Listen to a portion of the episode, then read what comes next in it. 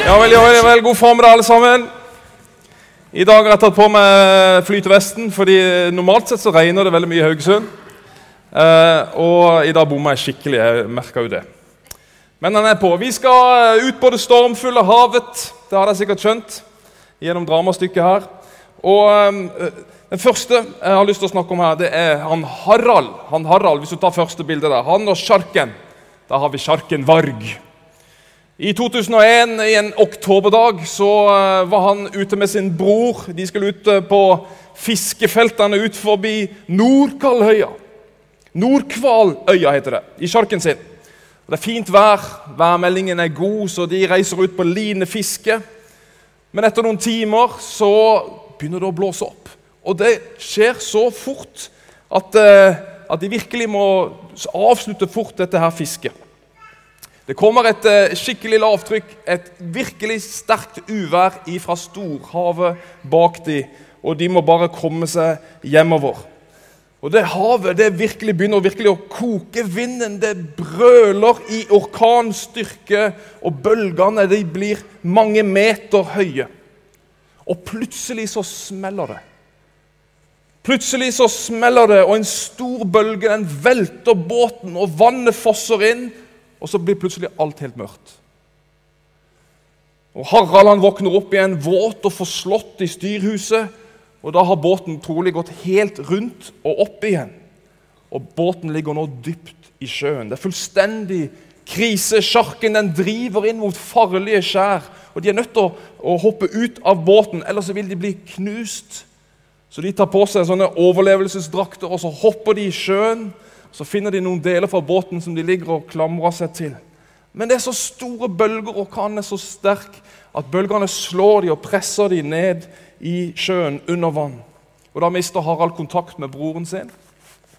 Det nytter ikke å rope og se etter han. Det er for mye støy, det er for mye høye bølger. Så han må kjempe helt alene for å overleve. Og Midt i alt dette her kaoset og i frykten og alt det, så dukker det en sel opp. Og Selen den ligger der og ser på Harald mens han flyter i sjøen og kjemper for livet. Og Han blir redd for at den selen skal bite han i drakten, for den drakta den lekker allerede lite grann. Og Hvis den selen biter, så vil han garantert dø, for da kommer all vann inn i drakta. Så han sier på dødsalvor til denne selen Du skal pip, ikke bite hull i den drakta mi! Og Hvis du ikke biter i drakta mi, så skal jeg holde meg unna å skyte sel på ti år.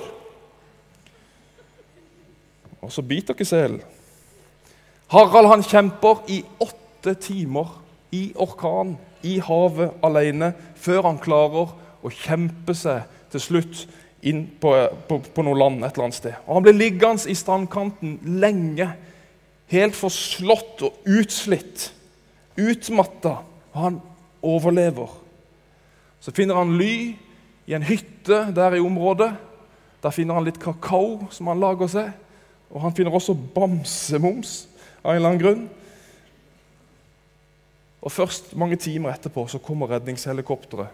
Og Først da får han vite at broren ikke overlevde.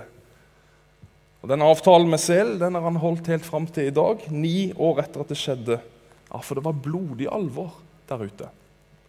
Jeg syns det var en helt sprø historie. Det er en helt sann historie. Tenk. Tenk på det. For en vill historie. Livet kan mange ganger være som i en storm. Ja, det kan jo det. Livet er ikke lett. Livet det er ikke bare solskinnsdager. Absolutt ikke. Og været det kan skifte fort. Kan ikke det? Jo, det kan det virkelig gjøre. Livet er ikke for pyser, er det noen som sier. Det er mye vi skal møte. Ja, det er mye vi skal lære. Jeg trenger ikke se på de voksne en gang i salen, for de bare mm -hmm. Sånn er livet. Men selv om mange av dere andre her er unge, så vet dere at livet det er ikke alltid så lett. Nei, for noen av dere har allerede fått erfare død. Vi mister noen vi er glad i. Ah, så tungt det kan være. Snakk om bølger i livet. Ja, vi har, Kanskje vi er syke, kanskje du har en sykdom, kanskje du, noen du kjenner vi er veldig syke. Kanskje har du opplevd mobbing. Ah, utestenging. Oh, for, det er vondt. Hvor vondt er det ikke med skilsmisse? Åh, det er kjempevondt. Hvorfor ikke snakke om forventninger og krav fra mennesker rundt oss? Ja, fra foreldre, fra pappa. Kanskje ikke vi klarer å leve opp en gang til det. Det er bølger i livet. Og ikke minst jeg er god nok. Jeg er god nok for vennene mine. Jeg er god nok for læreren min. Og så tar vi dårlige valg også. Valg som virkelig fører oss ut på dypet og i vanskeligheter. Ja, Er det noen som har opplevd det noen gang? Ja. Så Vi kjenner jo på det, alle sammen. Og så hører jeg stadig vekk flere unge snakke om at ah, han der er helt depressed. Ja, hun er depressed. Det der er depression. Tenker jeg, Vet dere hva er snakker om, unge mennesker? Depresjon. Det er en uh, ganske alvorlig lidelse, det. Det, en, det fins eh, Ja, det må en lege si om vi har en depresjon. Du kan ikke bare si at du har depresjon. Men jeg tror jeg skjønner hva dere mener. Jeg hører det stadig vekk. Jeg hørte det på Stjernekamp i går. hvis dere følger med på Stjernekamp. Han Vegard han er også fra Nordland, eller fra Karasjok oppi der. Finnmark. Han sa det at han, ja, han følte at han måtte bli voksen allerede som 13-åring. Han vokste opp med venner som hadde sleit masse med, med psyken, med psykisk med å ha det vanskelig. Så det å være ung i dag det er ikke nødvendigvis lett, og vi blir yngre og yngre kanskje før vi kjenner på hvor stormfullt livet kan være. Dette dramastykket vi så, var veldig flott. Det dramastykket vi så, det viser jo at livet kan være stormfullt. ikke vel? Og Vi kjenner oss igjen. Men det vi også så Jeg vet ikke om du la merke til det, for Tiril er jo ikke en Nei, det var ikke Tiril, det var Hvem var det? Nei, hvem var det som var Gud nå igjen? Siren var det! Siren Siren hun var jo ikke stor jente, men hun sto her. Og Hun dramatiserte. Hun var Gud. Så livet kan være stormfullt, men dramastykket viste oss at Gud er med oss i stormen. Vi trenger ikke å være alene gjennom livets stormer. Altså Han sto der ropende, eller hun sto der ropende og ventende på vårt rop om hjelp. Ja, og han griper faktisk inn i stormer. Da kan vi tenke ja, men han har aldri hjulpet meg. Aldri. Og jeg ble helt sjøsyk, faktisk. Kvalm av alle bølgene i mitt eget liv. Og ikke minst kan vi tenke Hæ? Er Gud virkelig interessert i meg og i mine problemer? Er ikke Gud for de som fikser livet, da? De som klarer å leve opp til alle de der forventningene? Burde, måtte og skulle? Flinke piker i og gutter, flinke gutter og piker i, i kirka, liksom. Er, det ikke de Gud er for? Kan han virkelig være for sånne som, som meg? Og griper han faktisk inn? Ja, det er faktisk det evangeliet handler om. Historien om Jesus. Ja, det er Guds redningsaksjon. Og på mange måter så er vi alle mennesker i havsnød.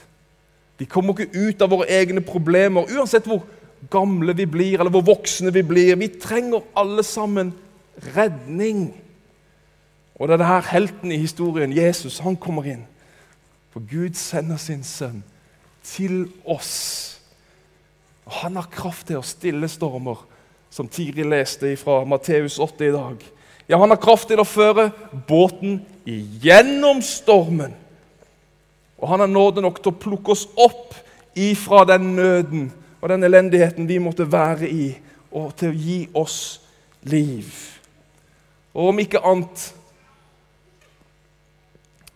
så kan han gi oss et håp som varer lengre enn livet vårt. Ja, Jesus på korset han seirer over det som dypest sett fører til stormer i livet vårt, nemlig synden. Vet, Synden den tapper oss for liv. Det er det som skjer. Mens Jesus, han gir liv. Synden den kan slå oss under vann, mens Jesu nåde den plukker oss opp igjen. Vet, Jesus er alltid sterkere. Og Derfor så kaller vi Jesus gjerne Klippen. Han er den som berger oss. Og han kan for den saks skyld være flytevesten som holder meg oppe. Bibelen sier, 'Rop på meg den dagen du kommer i nød, så skal jeg hjelpe deg'. Så han vil være der når du har det vanskelig. Spørsmålet er jo roper du på han? Får han din oppmerksomhet? Vet, disiplene de måtte jo vekke Jesus i båten. 'Jesus, vi går under. Hjelp oss!' Og Så blir Jesus frustrert faktisk og sier, 'Hallo, kom, slapp nå. Jeg er med der. Jeg er med der.' Ok? Livet det kan være stormfullt. Ja, ok, Vi har sett at Gud er med oss. Han er med oss gjennom stormen. Han kan være min redningsmann, han kan være min klippe. Men så så vi også i dramastykket at det var en del haier som plutselig kom inn her. En del ting i livet som kanskje holder oss vekke ifra å rope på Gud, eller nærme oss Gud, eller rope til Han. Og ja, det var, Hva sto det for noe der? Det var stress, og det ikke var god nok, og stolthet. det var mange ting. Men jeg tenkte på, og vi kan jo alltid tolke et dramastykke, men jeg så disse vennene som tok dette tauet rundt henne og så gikk hun ut.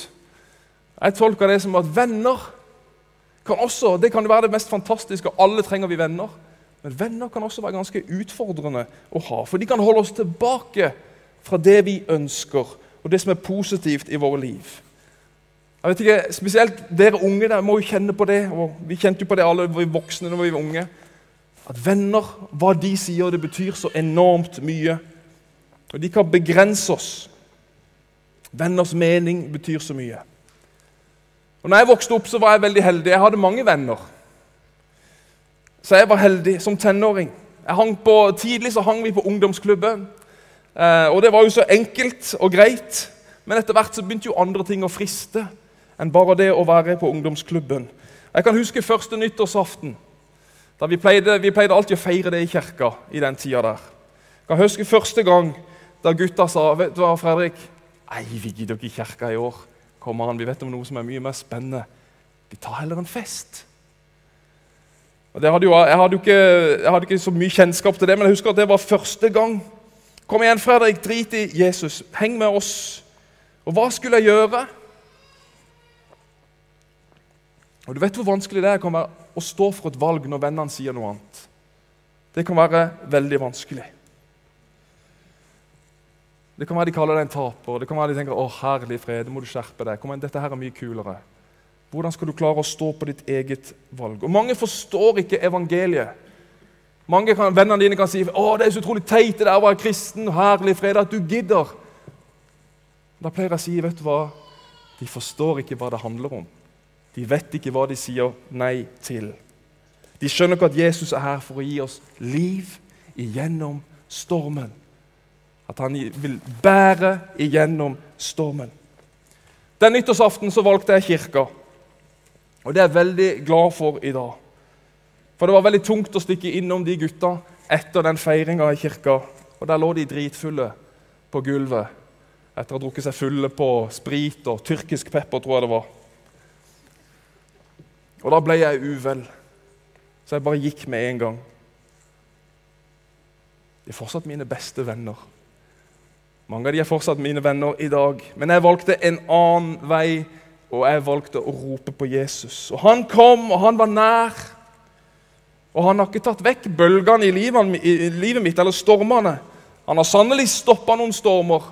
Han har sannelig vært med meg gjennom noen stormer og båret meg gjennom mange stormer. Og Det er jo det vi kaller for frelse, redning. Og du kan kanskje sangen For midt i nattens mørke blinker som et fyrlys Jesu navn. Over hjelpløs seiler vinker inn til frelsens trygge havn. Og når solen mer ei skinner, Jesu navnet lyser enn. Da den frelste skare synger høyt dets pris i himmelen. Refrenget. Navnet Jesus må jeg elske, det har satt min sjel i brann. Ved det navnet fant jeg frelse, intet annet frelse kan. Jeg har lyst til å si til deg som er ung, ta det valget om å rope til Han. Ta det valget uansett hva vennene dine sier. Og respekter andre som ikke mener det samme, selvfølgelig. Men jeg vil anbefale deg å satse på Han som er klippen for han bærer.